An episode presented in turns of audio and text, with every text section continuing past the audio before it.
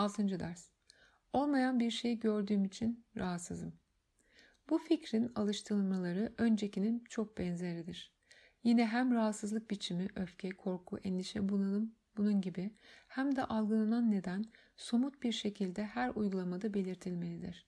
Mesela olmayan bir şey gördüğüm için nokta noktaya öfkeliyim. Olmayan bir şey gördüğüm için noktadan nokta noktadan dolayı endişeliyim. Seni üzen herhangi bir şeye bugünkü fikri uygulamak faydalıdır ve tüm gün boyunca bu amaçla ondan faydalanılabilir.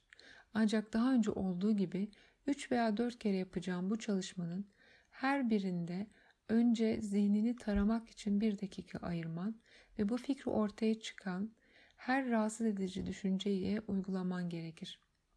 Eğer yine bu fikri bazı düşünceleri uygulamakta daha fazla direnç gösterirsen bir önceki dersteki uyarıları kendine hatırlat.